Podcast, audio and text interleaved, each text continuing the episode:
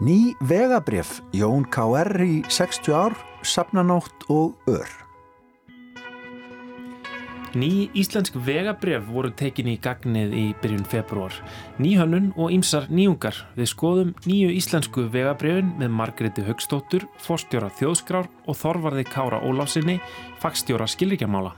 Við heyrum brotur bókvikunar og viðtal við höfundin að þessu sinni er það verðlunabókin Ör eftir auði öfu Ólafstóttur. Sapnanótt fór fram í síðustu viku þar sem yfir 50 sapn á höfuborgarsvæðinu opnuði dyr sínar fyrir gestum og gangandi. Tíundamöður viðsjár, Stefán Yngvar Vigfússon, hljóp á milli fjölmarkra viðburða á Sapnanótt og segi frá upplifun sinni í þætti dagsins. En Jón K.R. Ólafsson, dægulega söngvari frá Bíldudal, ætlar að halda upp á 60 ára sviðsamali sitt með tónleikum í hátíðarsal FIH á förstudaginn. Við byrjum við sjá í dag á söng. Bráðum færast árin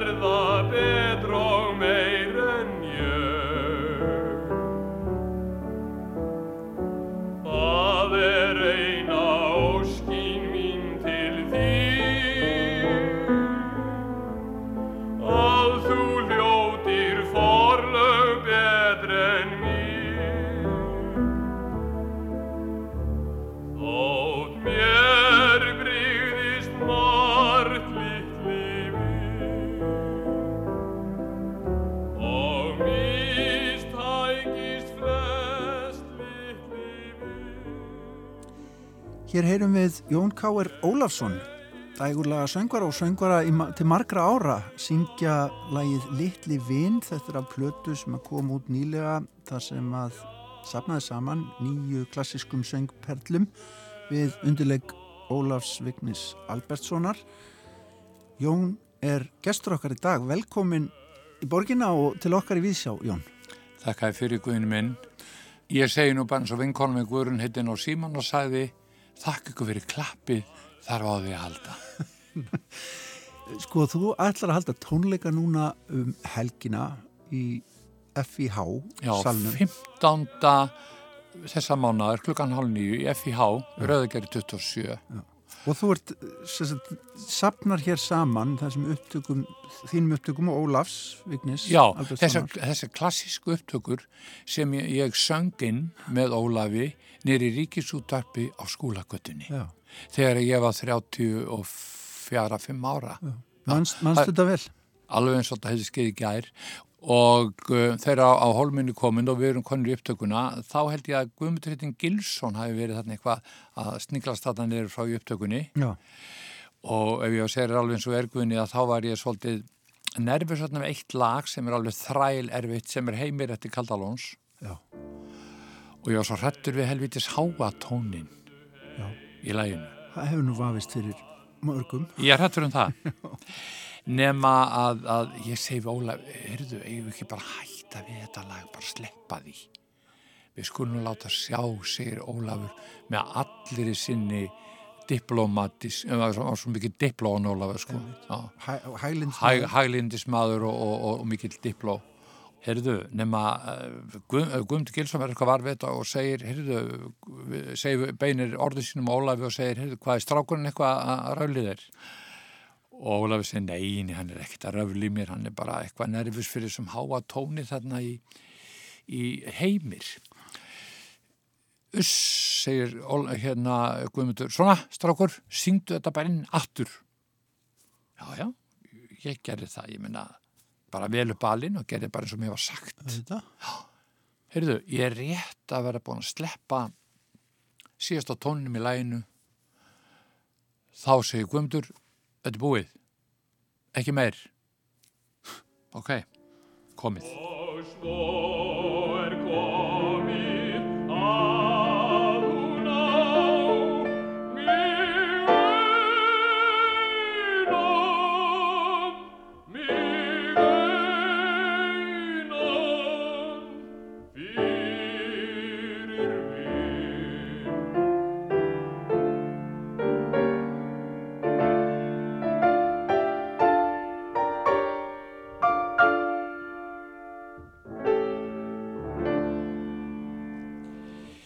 Já, já, ég ætla að segja þér, Guðni, í stuttumáli að ég var að syngja út í Oslo núna í mæ í íslenska sendiráðinu fyrir íslensku sendiherrahjónin og hellinga fólki. Þetta var bara dikongili, hoff, sko. Ég söng þarna með snillingnum Hjölvi Valsinni og Gró, ég man aldrei hvers dóttur hún Gróa er, hún er pianisti og organisti. Nefn að uh, við vorum, fengum frið eitt kvöldi, ég var í viku tíma hjá Hjöllefi, bjó hjá Hjöllefi þessa viku sem ég var út í Oslo, þá voru nefnilega hann og Haukur Mortens arkitekt Já, já. sem fengum mig til að koma og gera þetta. Og hérna þetta var bara rosalega flott og skemmtilega samkoma þarna í þessum, þessum sendiherrabústað hjá, hjá Hermanni og frú. Já, já, nema að eh, hann fer að spila vínilplötuna mína sem að Svavar heitin gest skaf út á sín tíma því Svavar bjargar þessum upptökum frá því að fara til heljar á sín tíma. Já, já, já. Passar upp á þetta. já. Og segir við mig eitt skipti þegar ég kem til hans til þess að ná í plötur til hans, þá segir Svavar við mig, heyrðu góði, ég er nú búin að heyra á þér nýja hlið sem ég hef ekki heyrt áður. Það er ekki dægulega hliðin, það er klassiska hliðin. Og, og ég er mikið búin að hlusta á þetta stúdera þetta, segir Svavar. Já, þetta átt að gefa þetta plötu. Nú, segi. Já, ég og enga peninga, Svavar minn, segi. Nei, en skulda þú mikið peningum, segir Svavar. Nei, en ok, ef fyrst þú skuldar eitthvað peninga þá ferð þú bara í þinn banka þegar þú kemur heim, fær lán og ég sé um hitt. Ég gerði allt guðni nákvæmlega eins og svafar bauð. Já. Og það er ekkert árlengja það að þetta kemur á stóri vínirplötu á sann dægulegum þessi, þessi, þetta prógram 83 og þessi plata er hér í þessu góða húsi Ríkisúttarpu þjóðarinnar ljúfþýtt lag. Akkurat. Hjöllufur er búin að stúdera þessar upptökur fram og tilbaka og Hjöllufur er náttúrulega stórmentaður tónlistamæður og segir þú átt Jón að gefa þetta bara út bara þessa klassísku Já, já. uh, hérna þetta plakk klassíska prógram ekkit meir. Og Ná, þetta hérna er svona daldið hans hugmynd að koma með þessa útgáfu á diski núna. alfarið, alfarið. Svo, en ég sef svo á þessi sumar. Svo hugsaði með mér herðu heimstenorin hefur aldrei heyrt mig syngja nema dægulög Mm þú veist hver heimstenorin er Íslenski. já, Jóhansson, Já, Kristján Kristján, já, mig grunaði það. já, já. nema hérna the, ég kem að mál við Kristján og segi við hann, heyrðu Kristján ég ætla að leifa að heyra klassískar upptökur sem ég söng þegar ég var ungur maður það, það er allt annar, allt annar kapitúri já, endilega gerðu það, segir Kristján og við sátum bara í bílum hjá honum bara og hlustum, það var fín, fín, fínar græjur þar og já, já, svo hlustar hann á programmið og, og segir svo þegar ég er búinn, heyrðu hvar hefur þú verið? hvar hef ég verið? Nú, ég hef bara verið á Íslandi heima hjá mér. Já, þú ert að vera á Ítalíu. Já. Já, segi, já. En hver, Kristján minn, átt að borga pakkan Já, fyrir mig að vera á Ítalíu þegar ég var 34-5 ára? Alveg rétt, Jón, þá er alltaf í tíma þá heldur en er í dag. En ég ætla að segja þér það, þetta er frábærlega vel gert hjá þér og þú skalt ekkert vera að velta vöngum yfir þessu lengur. Þú gerir þetta núna. Af hverju hún fórst að syngja á sín tíma? Uh, hérna, sko þurftur að syngja, ef ég get spurt hann Já, örglega hef ég þurft þess því að, að ég get aldrei, alveg sagt þér það, Guðni minn, að ég man aldrei eftir mér öðruvísi en syngjandi. Aldrei. Ég var örglega ekki hári í lottinu því ég var fann að syngja, sko. Og þú varstu þá að tróða upp, koma fram, vildur, nátt- sviðsljósið? Já, sko, Aðtikli? ég, ég söngurinn bara knúði mig áfram, sko. og, og ég syng, sko, fyrst með dansljónsveit 17 ára. En ég á búin að syngja sunnudaskóla hjá nafna mínu sér að Jóni Kári Ísfeld alveg bara frá því að pínulítið strákur. Fess svo í kirkjukorin á Bildudal 16 ára 1956 og þar syngi ég til 95. Ég er búin að syngja alltaf allt mitt líf. En, en, en þegar þú ferð á Þorrablótinu 16-17 ára á svið og ætlar að syngja Já, fyrir fram með fólk, Já. varstu stressaður? ó, ég var ofsalega nervös maður. Ég held ég myndi bara deyja, sko. því að ég hef alltaf haft það í farteskjunni Guðni og það er bara meðfætt. Ég hef alltaf verið ofsalega krítiskur á sjálfan mig og alltaf reynd að vanda mig og gera vel þegar ég komið fram fyrir fólk. Af því að ég hef borið virðingu fyrir þeim sem ég hef verið að vinna fyrir og svo hef maður þurft að bera virðingu fyrir sjálfum sér Já, og hlustendum. og hlustundum. Já, ekki síður hlustundum. Einmitt. Nei. Einmitt. Nei. Þú ert búsettur á, á Bíldudal. Já, ég, ég er að druslast þar ennþá, orðin þetta fullorðin, sko. Hvernig er líf, lífið þar? Svona búið að vera undan farin ár. Já, veist það, Guðni, ég þekk ekki bíldudal lengur. Nú, Nei, þetta er allt annað bíldudalur heldur en ég þekkti. Breytingin hefur orðið svo mikil. Og það er bara hér í borginni sem að maður þekkir ekki umhverju sitt. Það er bara alls Hér er náttúrulega, hér er hann svo, svo gigatist að það tekur náttúrulega einhver tali, sko. Nei, Nei, það er eins og sé búið að setja stregapók á höfuð að mann er rannandi blötan, sko. Já.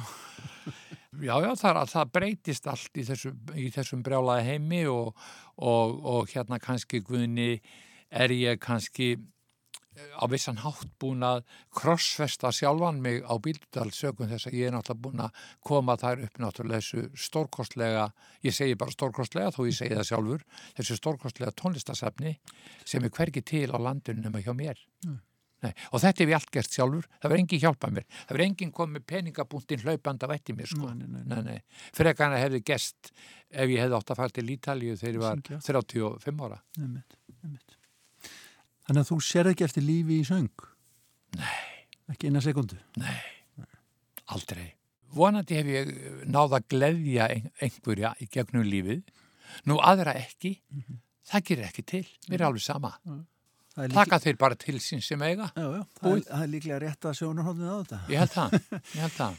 Þú ætlar að fá með þér gott fólk núna um helgina á lögadaginn, Jú, lögadskvöld til þess að syngja með jú. þér, er, er það ekki, og syngja fyrir þig. Syngja fyrir mig, sko. Syngja fyrir mig, Þetta sko. er meir eins og svona, hvað maður kalla smá sýningjensla í því hva- hvað þú hefur verið að syngja í gegnum tíðina. Já, jú, þetta er manna. Jú, jú, þetta er síni kensla í því því að, að ég náttúrulega er ekkert að syngja þetta prógram sem er þessum diski lengur, það er lengur búið, sko, sem er bara eðlilegur hlutur.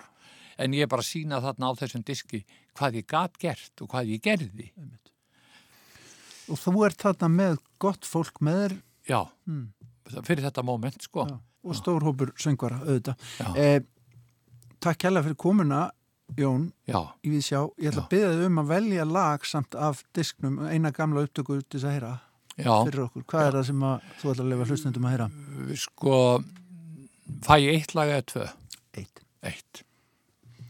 Þá held ég að það verði takti sorg mín að svala haf, held ég. Já. Já, af því ég helga diskin kalli föðu mínum og þetta var eitt af hans uppáhaldslögum. Já.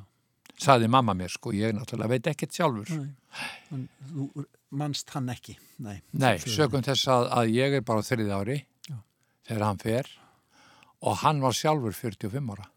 Hlustum á þetta, Jón, takk kærlega fyrir komuna. Já, takk fyrir mig.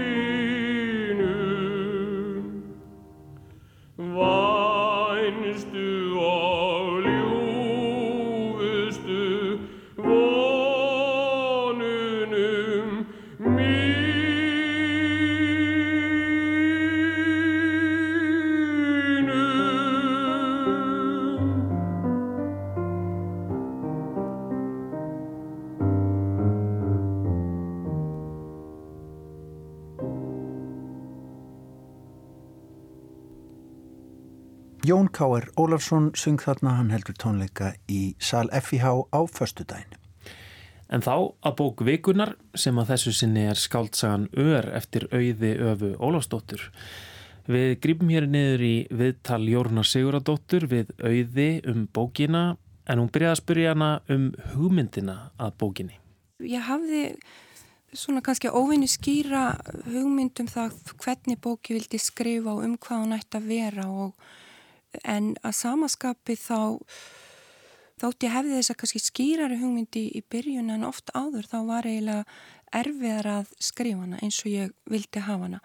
En þá má kannski segja þetta til að einfalda eða ekki einfalda þetta er bókum þjáninguna um sásökan og uh, um örin sem að er einhvers konar þá tákmynd fyrir þjáningu mannsins sem að er alltaf einstök og ósambærileg í þeim skilningi á bakvið hvert ör er, er sérstök uh, saga. Og um, þetta er bók sem að síðan má kannski segja hún óksolti eins og rótarskott en uh, miðjan eða hryggleingjan er þessi hugmyndum þjáninguna að, að hamingunni svipi saman. En uh, þetta er kannski lárétt bók eða lárétt saga í þeim skilningi Það er vissulega hann að Karlkins söguhetja en hún er, ég skrifa hann nú axlarbrotin og líkamlega þjáð út af likjandi aukt við marga Karlkins sögunda sem ég skilst að skrifi standandi eins og lagsnes. Þannig að þetta er þannig kvenleg bók þótt hún fjalli um karlmennskuna og ég er líka að, uh, að skoða starri spurningar eins og mennskuna í samhengi við, við karlmennskuna. Og uh, af því nefni það að þetta sé, sé kvenleg bók eða, eða lárétt bók eða hún vaksið þannig fram að þá gefur hún eh, ákveðna niðurstöðu sem að er reynda vísun í, í, í Aragon og það sem segir að, að konan sé framtíð mannsins. Það er í lókbókar sem svo setning er reynda lagði í, í munn uh, blikksmiðs Þannig að það er heimurinn í dag sem að er í bakgrunni. Personan Jónas Ebenezer, var hún þessi mildi, hjálpsami karlmaður alveg frá upphafi?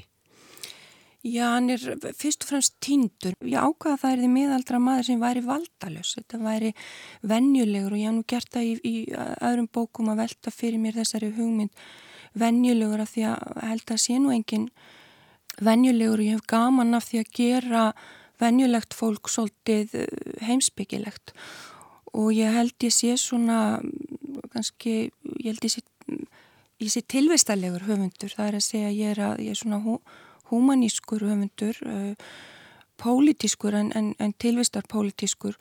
Og uh, mér fannst í, í ljósi heimsins í dag og þess að miðaldra valds Karlmannsins, þá fannst mér gaman að skoða þann sem hefur ekki vald og á ekkert og er ekkert eins og hann lýsir sjálfum sér og hann lýsir sjálfum sér þannig að hann sé, hann sé venjulegur. En það er engin, engin þjáning uh, banal eða ómerkileg og auðvitað maður að búa til svona, svona smáheim, svona mikrokosmos en einhvern hátt er maður líka að reyna að spekla starri sannleika eða starri heim í, í gegnum hann. Þú skipti bókin í tvo hluta, fyrir hlutin gerist í Reykjavík og þar er mikil uh, sálarangist hjá personunni, hún er á barmi örvendingar, Jónas Ebenezer. Í síðar hlutanum uh, byggist hann sínuleitu upp en þar er hann stattur á stað sem hefur upplifað miklar hörmungar. Þú ert í raunin að spegla þarna personulega ángist í stórhörmungum heils samfélags. Já, ég líka svolítið að, að leika mér að skoða þá hugmyndum naflan sem er ör, sem er upphafsöri, sem er fæðistöld með eitt ör. Og söguhetjan eh, Jónas er með sjö ör og líka mann, eins og segir í bókinni, fjögur fyrir ofan nafla og þrjú fyrir neðan. Og uh, ég er svona, já, spekla hans ör við ör heimsins og líka ef svo má segja en, en sko það er ekki hægt að tala um þjáningu landa eða, eða þjáningu þjóða því þjáningin er alltaf einstaklingsbundin. En til grundvallar var þessi spurning sem ég held að við spurjum okkur mjög mörg og við spurt okkur hvað get ég gert? Eða er eitthvað sem ég get gert? Og þetta svar sem er gefið í bókinni það getur enginn gert allt en það geta allir gert eitthvað að það er svona grunn hugmyndin sem að ég spann út frá. Og þetta er kannski ekki merkilegt þessi maður sem ég sendi hann út í, í heim, þetta eru kannski ekki stórverk, hann lagar ekki allan heiminn, hann spurður að ég allar að laga heiminn. En þetta er samt maður sem er, hann er handlægin og uh, þetta er svona þessi, þessi manngjær sem við þekkjum öruglega öll hérna á Íslandi. og hann brítur ekki, hann eiðilegur ekki hluti og það er sagt um að hann sé þessi típa sem vilji frekar vera drepin en, en drepa. Þetta hljómar allt mjög alvarlegt en það sem að mitt líka ennkennir þessa bók er húmor. Var þér það mikilvægt eða meðvitað að beita húmor í tekstanum? Ég, ég eiginlega sko ætlaði ekki að vera fyndin í þessari bók en það er bara svo tragikomíst að vera manneskja og uh, það eru þessar, þessar þversagnir sem að, sem að gera okkur öll mennsk. En um, ég, ég ætlaði mér reynda líka að skrifa gegn myrkrinu, það er að segja ég ætlaði mér að finna einhverja, einhverja ljóstýru í myrkrinu, einhvers konar laust að, að búa til heim sem ólíkt þeim heim sem við, við horfumst í augu við til dæmis í fréttum, hann, hann semst meikaði sens, hefði einhverja merkingu, væri á einhvern hátt heill og þá varð ég að skrifa hvert kabla þannig að lesandin hann kæmu upp og, og andaði og húmórin er líka þáttur í því að, að sættast við myrkrið. Karlmennska er að drepa fullorði dýr. Ég var lengur en ég ætlaði mér að vinna við glukkan á efrihæðinni í kvennahúsinu og það er stutti að útgöngubanni skelli á. Það er farið að skikja og þess ekki langt að býða að tunglið verði eina lýsingin. Ég gái hvort ég sjáu mánan og hann er á sínum stað. Allt í einu hef ég á tilfinningun að ég sé ekki einn að einhver fylgist með mér og mér finnst ég heyra fótatak og þó ekki fótatak fremur að ég verði var við stóran hljóðlausan skugga hverfa fyrir horn út undan mér. Mér kemur í hug dýr, stór köttur, Hvaða tegund nefndi leikonana hefði sloppið úr dýragarði í bænum? Ég stattur skamt frá torginu þar sem hóteli stendur og ég staldra við og litast um í kringum miðan verð ekki varfi neitt hvorki dýrn ég mann. Það er engin á ferli. Þá byrtist maðurinn skindilega fyrir fram að mig og virðist vera á hraðferð.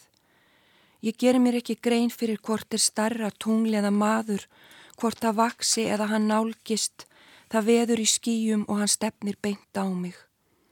Um leið og hann rekst utan í mig, segir hann eitthvað við mig sem ég skil ekki. Er þetta spurning eða fullirðing? Áður en ég næja svara finn ég höggið fyrirvara laust og augnabliki síðar liggi á götunni. Og ég finn annað högg og raukt regg sem steipist yfir mig. Eitthvað heitt og blöytt rennur niður gagnögað. Maðurinn stendur yfir mér eins og tunglmyrkvi, eins og skriðdreki og sparkar í mig og ég finn lykt af rakspýra og leðri. Kristalsglös hrinja yfir mig. Ég hugsa, á ég að verja mig eða telja inn í nóttina. Þá er hann jafnskjótt hættur að berja mig og ég heyri fótatak fjarlægast og sé glóðina í síkaretunni eins og ljóstepil í miðju tunglinu síðan heyri ég vespu setta í gang. Ég er með blóðbræð í munninu með merkilega sáttur. Eitthvað loðið og kunnulegt stríkst við aukslin á mér þar sem ég ligg á götunni. Það stemmir, þetta er köttur veitingamannsins, sá einegði. Ég tegi út blóðu og höndina til að klappunum svartar fliksur eins og ríknóðrar á hraðferð fyrir augunum. Ég böglast á fætur. Ég heyri fótatak á nýjanleik, einhver hleypur til mín í átt frá hótelinu. Mister Jónas, heyr ég kallað áhyggju fullri röttu. Það er Fifi sem hraða sér til mín. Hann tekur undir handleikin á mér, mér er kallt en ég næ að hugsa mjög skýrt. Ef leikonan byður mig að sofa hjá sér þegar hún kemur aftur úr ferðinni, segi ég híklust já. Það er liðin meir en vika og hún er enn ekki komin aftur. Auður Afa Ólafstóttir las úr skáldsögu sinni Ör, það er bókvikunar og ráseitt þessa vikuna verður rætt í þættinum á sunnudags morgun. En þá slást við í för með Stefáni Yngveri Vigfúsinni sem hljópa milli fjölmarkra viðburða á sapnanótt í síðustu viku. Það fór sjálfsagt ekki fram hjá neinum sem laði leið sína í miðbæ Reykjavíkur í síðustu viku að vetrarháttíð var í gengin í garð. Fjöldi húsa, svo sem Háskóli Íslands og Ráðhús Reykjavíkur, auku ljósastöður á vinsalum göngugötum, voru líst í einnkennislitum háttíðarinnar, grænum og fjólubláðum. Vetarháttíð var svo sett með formlegum hætti með afhjúpun videolistaverksins Passage eftir nýsjólenska hópin Nocturnal sem varpað var á Hallgrímskirkju. Vetarháttíð lýsir upp almanarímið í skamdeginu. List í almanarími er alltaf pólitísk, eins og þeir sem láta sér borgarskipulag og pálmatrið varða vita. Frjálsíkjumenn segja að yfirvöld eigi ekki að sóa fjármunum í að fegra almanarími. Populistar segja listinu að vera elitiska, að þeir listamenn sem fengnir eru til að fegra umhverju okkar séu fyrst og fremst þekktir og jafnvel vinir þeirra sem haldi utanum fjármagnið. Populistar vilja jafnframt meina að venjulegt fólk hafi lítið við videoverk og hallgrímskirkja að gera að ætti þó frekar nota þennan pening til að gera við hólunar á ægisíðu. Þá hefur hugmyndunum listi almanarími einni fengið á sig gaggrinni frá þeim sem aðhyllast átakakenningar. Að hún sé fyrst og fremst notuð til þess að upphefja og fægra núverandi valdskiptingu. Enda er valla hægt að kasta steini án þess að hitta mynd eða stittu af hvítum ríkum kalli. Nationalistar og einræðispekulantar hafa einmitt notað listina í þeim tilgangi með því að reysa stittur af leðtóðanum og láta flytjum hann lög. Átakakenninga sinnar vilja þá helst að listi almanarími sé nótuð til þess að segja sögur og upphefja rattir jáðarsettra hópa í samfélaginu og þú hún sé sköpuð af þeim.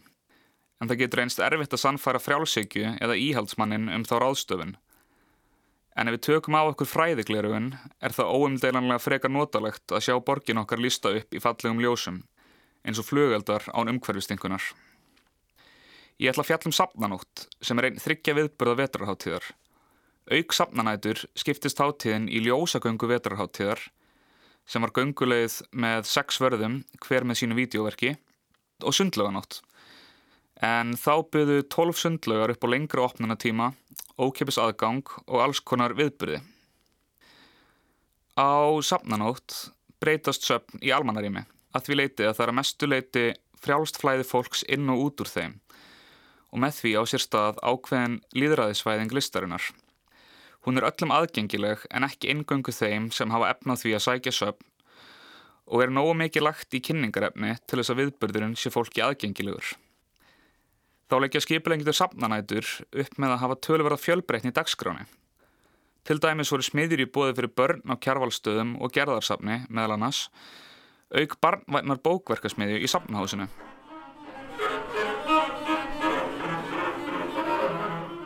Mín sapnanótt byrjaði ögn setna en ég hafði hugsað mér. Ég ílengdist í vinnunni og náði ekki strætó og kjærvalstaði. Þar var opnun á ringur, ferhyrningur og lína, yfirleitt síningu Eiborgar Guðmundsdóttur. Ég hafði sömulegis mælt mér móts við kærustuna mína, en hana var hvergi að finna. Síningu Eiborgar get ég vel mælt með, en ég mun gera mér aðra ferð til að sjá hana síðar. Eftir að hafa skoðað hana á holgerum hlaupum, andis að rekast á hana hófi mína, tók ég upp síman minn og fletti gerum samskiptu okkar í vonum að finna einhverja vísbending um hvað hann var í niður komin og var farin að slá inn númir hennar þegar maður stoppar mig, kynni sig og segir Þú ert svo mikið í símanum? Já, segi ég, ég er að leita kærustunum minni. Ég ætlaði að hitta hana hér en var alltaf sen. Já, af hverju lappar ekki bara um og leitar að henni? Þetta er bara miklu fljótleira. Haha, ég kalla þig cool, segir hann, klappar mér aukslina og við kveðjumst. Ég ringi Hófi og hitti hana í hinumsalunum á kjárvalstöðum þar sem verk kjærvalsanga. Ok, mér tekst á ekka fjallum síningu Eiborgar með fullnægenda hætti fyrir þetta einslag. En það var sitt hvað fleira sem ég vildi fjallum. Skúli Sverrisson, bassalegari, var til dæmis á jarðhæði í Hafnarhúsinu. Við kíkjum á Sapnanættustrætóin og komumst á því að við náum ekki að fara með vagninum. Leið A er ný farin og við þurfum að sækja of marga viðburði til þess að geta beðið eftir þeim næsta. Það er ekki setna vætna til að létta spennuna að tilkynna að ég tók aldrei strætó og sapnanót. Þrátt fyrir mínar bestu fyrirætlanir var ég einfallega ekki nógu skipulaður. Það hefði sjálfsagt bætt einhverju krytti í hljóðræna áferð þessa einslags. Auk þess batt í vonur við að ná tali af úlningi í strætó og hafa orð á því hvað það færi skemmtilegt að fólk á öllum aldri sæki safnanótt. En allt kom fyrir ekki og ég ferðaðist um á enga bíl.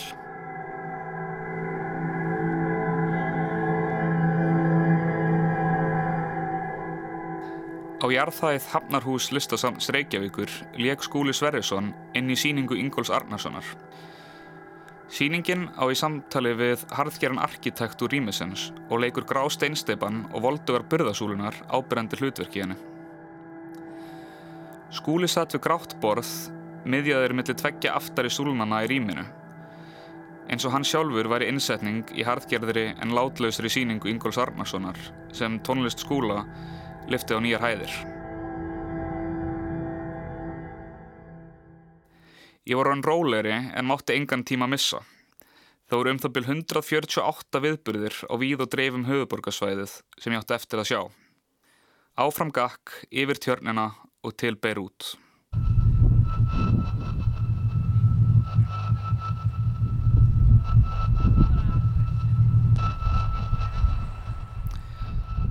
Á listasafn Íslands var varpað verkinu Deluxe, samstarfsverkefni norskra og íslenskara listamanna sem unnið var á 48 klukkustundum.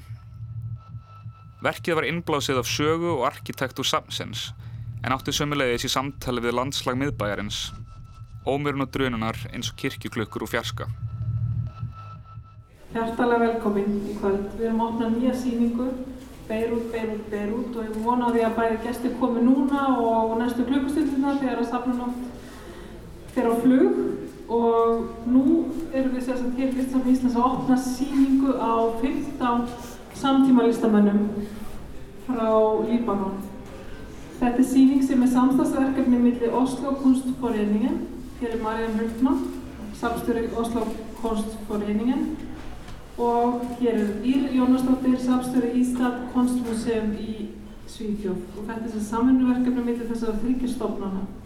Þetta er síðasti áfangastæði síningarinnar.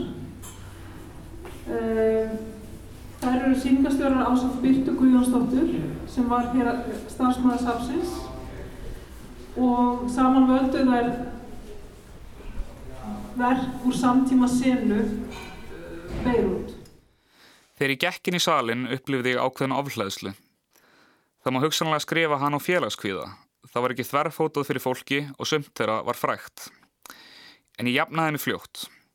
Sýningastjórnendur leiða mann þægilega gegnum verkin og gefa manni tíma og pláss til að staldra við hvert og eitt þeirra. Á opnununni flutti tón- og myndlistamæðurinn Masen Karbæ trompetgjörning. Ég ætla að leiða ykkur að heyra brotur honum.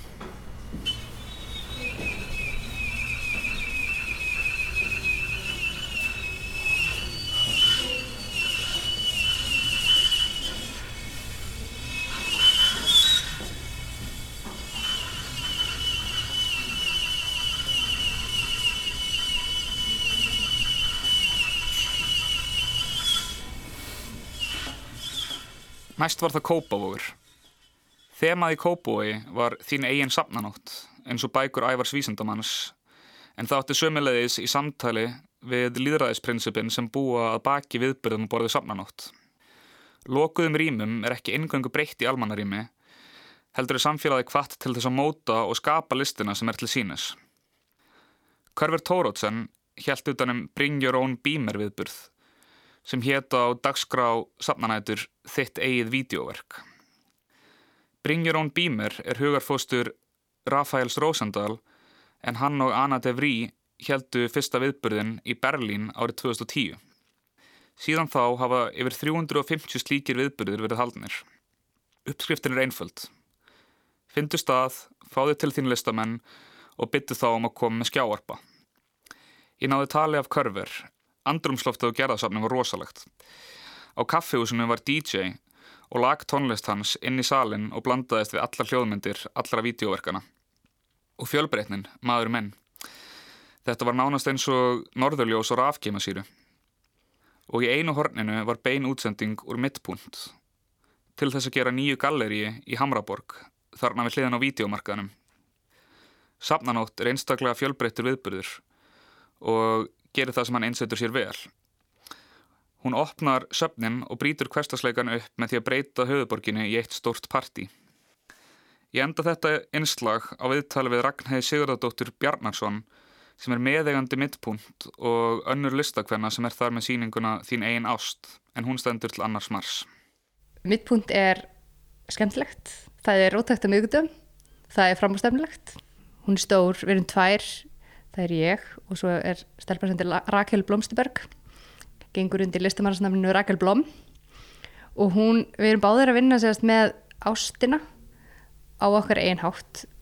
Hún er að vinna með ástina á svolítið svona hverstagslega, hvernig hún byrtist okkur sem bæði krakkar í blöðum og líka bara hjá ömm og afa, hvernig hún einhvern veginn endist einhvern veginn út æfina. Hún vinnir þetta í textil, hún er textillistakona og svo finnst mér endar uppáhaldsverki en er verki á verki mitt sem hún gerir er hann að svona diskur sem stendur á ástin og diskurinn er á silfurfati og verki heitir ástin á silfurfati. Mér finnst að uh, ég er meira að fjallum uh, ástina á hlutunum sem við höfum verið að geima síðan við vorum krakkar og ég er að vinna með svolítið í gegnum það hluti, ég er búin að geima mjög mikið og þetta byrjaði allt fyrir cirka ári þegar ég með var búið á gjörningaháttið að þennu og ég heitlast af svona nýttjamörku og meira skran til betra þannig að ég ákveð að prófa að fara bara beintuði djúbulegina og selja dóti mitt sem ég þykir bara venstum. Stefán Ingvar Vigfússon fór á sapnanótt um helgina og saði okkur frá. En þá er komið að því hér í Vísjá að við tökum upp vegabrifið. Það er ekki ofsögum sagt að vegabref sé sá efnislegi hlutur sem skiptir hvað mestu máli fyrir einstaklingar sem vilja færa sig um nöttin. Hlutur sem sker úr um hvort maður geti auðvitað ferðast frjálsum jörðina, flutt eða flúið. Valdasbroti ferðafólks landamæra líkil förufólks. Í þúsundir ára hafa manneskjur teiknað upp mæri og skilgreint mörg milli yfiráðasvæða, ólíkra hópa og valdhafar oft takmarkað ferðalög einstaklinga yfir þessi landamæri. Haldið óæskilugum einstaklingum úti og komið í veg fyrir fólksflutninga úr landi. Elstu heimildir um einhvers konar vegabref eru bref sem erindrekar konunga eða annara valdastofnana fengu skrifað upp á svo getur ferðast um óáreittir staðfestingu á því hverjir er væru og að þeir hefðu leifi frá valdhöfum til ferðalaga um tiltekinn svæði. Slíkar heimildir má ég vel finna í Gamla testamentinu þar sem meðal annars að talað um Nehemia sem ferðaðist til Júteu með bref frá persakonungi í Vassanum. Í Evrópu á miðaldum þurfti leifi til að ferðast inn um borgarhlið Ímisa borga og kemur franska og enska hugtækið passport frá þessu leifi til að ferðast í gegnum hliðið. Á 15. öld á tímum Hinriks V. Englandskonungs voru gefin út ferðaskilríki fyrir enska þegna sem hugðust á ferðalög út fyrir Breitlands skilríki með ítarlegum lýsingum á útliti og líkamspurðum ferðalangana. Þannig gætt ferðalangurinn gert grein fyrir sér og eru þetta sangant vísindavef Háskóla Íslands yfirleitt álitin fyrstu eiginlegu vegabrifin. En slíkir grandtúrar voru þetta fátíðir og aðeins velstæðir sjentilmenn sem gáttu túrhestast um Evrópu nýjaldar. En við bætum hag almennings á setni hluta 19. aldar og greiðari samgöngum með tilkomu í átbröytarlesta jugust ferðalög millir landa í Evrópu til muna. Vegabrega eftirlitið var hins vegar þungt í vöfum, tímafrekt og flókið og á friðatímum virtist það eiginlega æg tilgangslösara. Í kringum aldamótin 1900 gáttu Evrópubúar þannig ferðast vegabrefslausir um álfuna. En fyrir heimstyröldin með nýri áherslu á þjóðerni, þjóðuríki, þjóðernis hyggju og allara handa öryggiseraðstafanir festi vegabrefa eftirlitið aftur í sessi og hefur það haldiðist þannig síðan. Í dag gefa yfirvöld á hverju landsvæði út vegabref til íbúa á svæðinu eða minnstakosti þeirra sem teljast æskilegir þegnar. Þessi bref eiga staðfesta þjóðverðni eigandans og eiga tryggja réttindi hans á erlendri grund. Þannig skráðu nafn, fæðingadagur, kín og fæðingastadur og þannig ljósmynd af andliti viðkomandi undirskrift og jafnvel fingrafar í örflögu. En vegabrifið er auðvitað fyrst og fremst tæki stjórnvalda til að stjórna því hverjir fá að fara úr landi og hverjir fá að koma inn. Vegabrjöfið er landamæra líkil sem skilur milli þess sem getur gengið inn um landamæra hliðið óáreittur fært sig auðvöldlega um heiminn, flógið, keirt eða silt, örglega yfir inn manngerðu mæri milli yfiráða svæða ólíkra yfirvalda. Og svo hins sem er fastur er vegabrjöfslaus ríkisfangslaus. Já, túristi án vegabrjöfs er flótamaður þar sem yfirvöld kallastundum ólöglegur innflýtjandi. Það skiljanlega mikil ásókn í þá landamæra likla sem opna hvað flest hlið verðmætustu vegabrifin og leggja yfirvöld í mikla áherslu á öryggi þeirra að erfitt sé að falsa slík bref. Vegabref á vegum Íslenska ríkisins eru einn þau valdamestu í heiminum en handafar þeirra geta ferðast til 120 landa án vegabrefs áreitunar. Á Íslandi er það þjóðskrá Íslands sem sér um útgáfu vegabrefa þessara landamæra likla til þegna Íslenska ríkisins. Og nú á dögunum var tilkynnt að ný vegabref hafi verið sett í umferð í byrjun februar, ný vegabref með nýju útliti, nýri hönnun. Ég ákvaða að líta við á skrifstofu Þjóðskrár Íslands og fekk þar að fræðast um þessi nýjustu íslensku vegabref. Við erum komin hingað niður í Þjóðskrá Íslands. Ég er hérna með Margreði Haugstóttur, forstjóra Þjóðskrár og, og Þorvarði Kára Ólasenni, fagstjóra skilríkjamála. Við erum hérna með fyrir framann okkur nýtt vegabref sem hafa tekið í notkur núna í byrjun februar. Við ætlum að skoða eins hönnunina á þessu, þessu nýja listaverki eða hönnunaverki. En kannski til að byrja með af hverju er verið að hanna nýtt vegabref? Já, við getum sagt frá því að við fórum í það að vera með útbóð á Efraska efnaðsvæðinu þar sem við óskuðum eftir tilbúin í vegabrefa bækurnar en við höfðum haft fyrirbyrgja í nokkuð mörg ár og alltaf hagkvæmni sem ber að huga að í ríkistrekstri að tók hvort maður getur fengið betri verð. Og ákveðið var svo að ganga tilbóði við, við pólstfyrirtæki og þá er heppilegast vegna þess að hönnunin við fyrirbyrkja, hún verður og útkoman verður aldrei 100% svo sama að þá er það út frá öryggisjónumum heppilegast að vera bara með nýja hönnun sem er allt öðruvísi en fyrir bækur heldur en reyna að, að fá eitthvað í líking við þar sem verður ekki alveg, alveg eins vegna þess að það er mismyndið með byrkja. Um, öryggi er náttúrulega kannski eitt það mikilvægasta í þessu hönnaferli. Þekkjum við ykkur dæmum það að fólk sé að falsa íslensk vegabref? Já, það eru ekki ný, nýlega dæmum það. Það var reynd að prenta íslensk vegabref í Malasíu fyrir, fyrir allmörgum árum síðan. Það tókst nú ekki mjög vel. Það er falsana voru mjög liðlegar. En, en vissulega ber að varast falsara því að það er eina ástæðan fyrir því að við erum að fara út í þessa nýju gerð með nýjum örgisþáttum.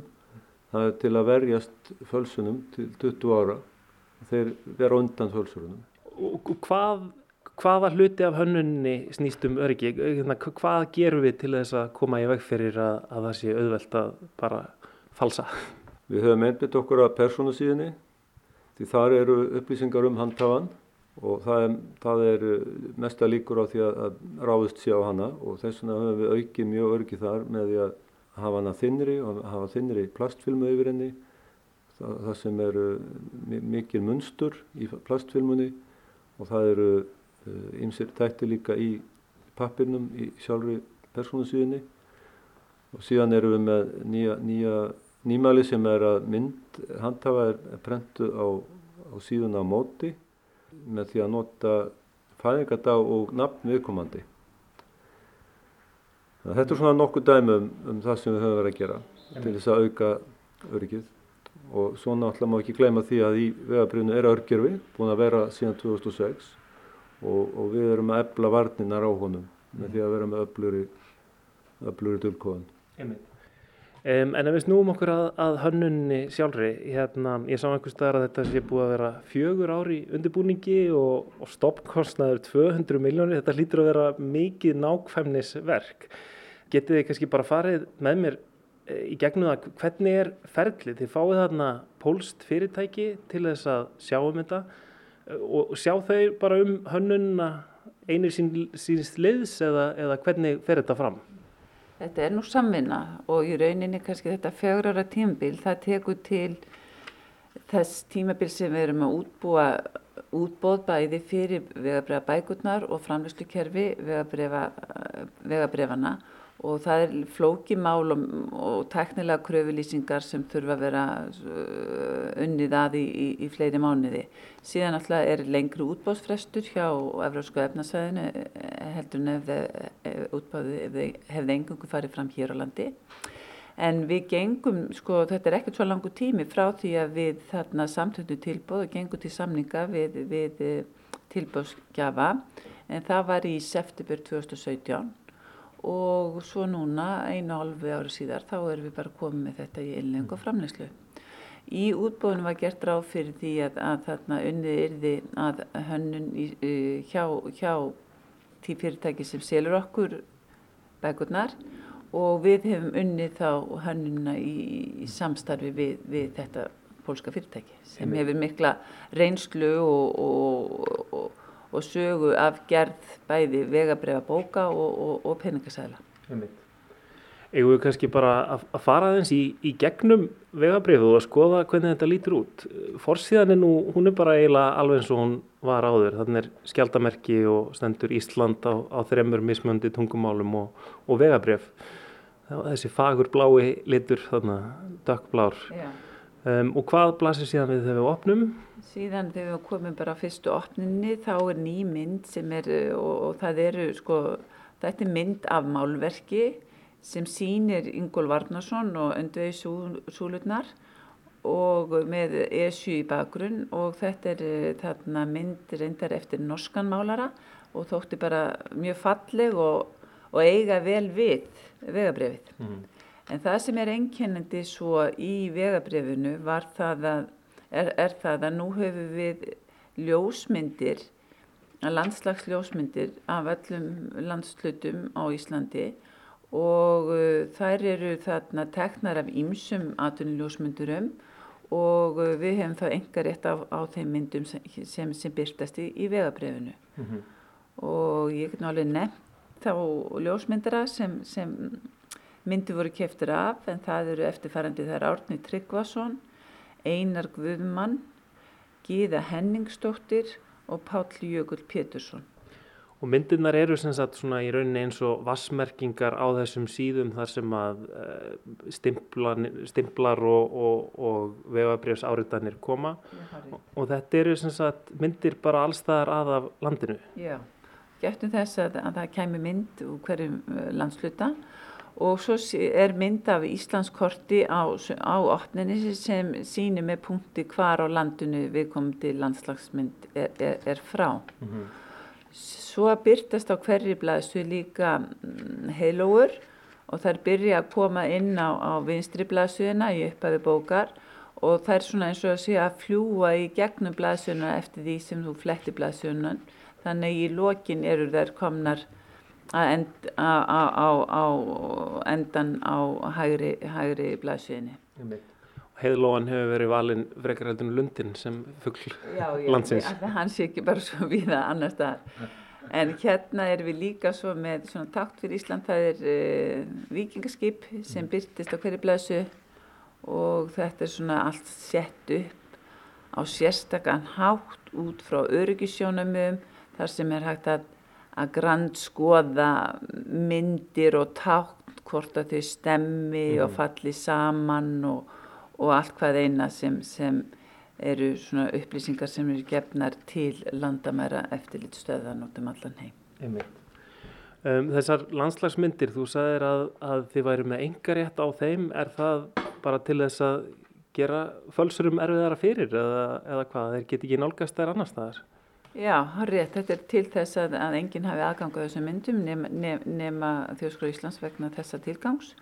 Og, og það er bara rauninni að fara eins valu eins og mögulegi er í öllum, öllum mögulegum aðrjum hvað var þar vegabriða bókina og, og um, það hefur sko áður voru við með öðruvísun hönnun á bókonum þá var það listamadur sem að fengi til verksins að hanna hverja einstu blæsuðu og það var gert á árunum, súhennunum frá árunum 1998 og 1999 En þetta var svona fljótleiri leið að finna uh, landslagsmyndir heldur en að vinna hver einstu blaðsviði með hönnuði og vafalust mun hagkvæmari líka. E, það er töluvert algengt í, í, í nýjum vegabröðabókum í nákvæmnaríkjunum að það sé farin þessi leið að, að setja landslagsmyndir. Mm -hmm, og þetta er ekki bara landslagsmyndir af svona kannski típiskustu ferðamannastöðunum eða hvað? Hérna...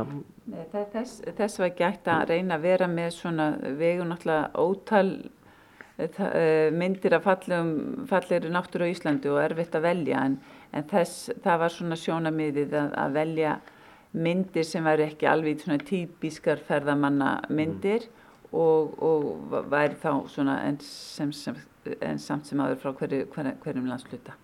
Ymmi og liturinn á, á blaðsjónum, er, er það hérna, eitthvað útpælt? Hann er svona græn og, og kannski svolítið svona brúnleitur, þetta er svona nánast eins og norðurljós eiginlega. kannski varpa því til þorvarðar? Já, þetta er svo gullur regnbóðaprentun og það er mjög erfitt að falsa hana, það er bara sérstaklega prentsmiðu sem geta, geta gert þetta, þannig að liturinn breytist yfir síðuna og, og já, eins og regnbóin. Já, einmitt eru þannig verið að nota rosalega mikið af svona kannski einmitt hefðbundnum táknum sem okkur finnst tengjast Íslandi, íslenskri menningu, hvað er að vera Ísland, Íslandingur voru mikla pælingar í hvað, hvað ætti heimaðan og, og hvað ekki? Já, málega segja að þetta var svona sammelst um þetta hér eh, hjá okkur, við komum með tillögu en vildum samt sem áður, áður en endalega var gengið frá þessari hugmynd vera í samráði við dómsmálaráþara þannig að við eh, kynntum ráþaranum Sigriði Andersen þessar eh, hugmyndir og, og, og þær myndir sem við höfðum svona valið úr. Og hún var alveg fylgjandi þessari hugmynd að, að, að velja landslagsmyndir og, og stutta okkur bara í, í, í þeirri viðleitni. Eh, Margreit Haugstóttir, fórstýri Þjóðskrár og þorfarður Kári Ólason, fagstjóri skilríkjamála hjá Þjóðskrá. Takk kærlega fyrir að sína okkur þessi nýju íslensku öðrið. Gjör svo vel. Takk fyrir.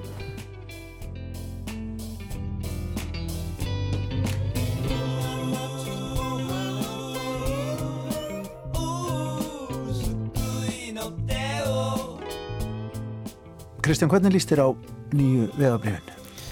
Mér líst bara þokkalega á þetta. Hérna, þetta er auðvitað alltaf uppfullt af svona þjóðlegum táknum og, og hérna, þetta er svolítið svona bara hefbundið mm. örgulega ekki mikið hægt að fara út fyrir formið í þessu. Nei, þetta þólar ekki mikið flip. Nei. Ljúkum við sjá í dag á umræðu um nýju íslensku vegabrefin, verið sæl. Takk fyrir að hlusta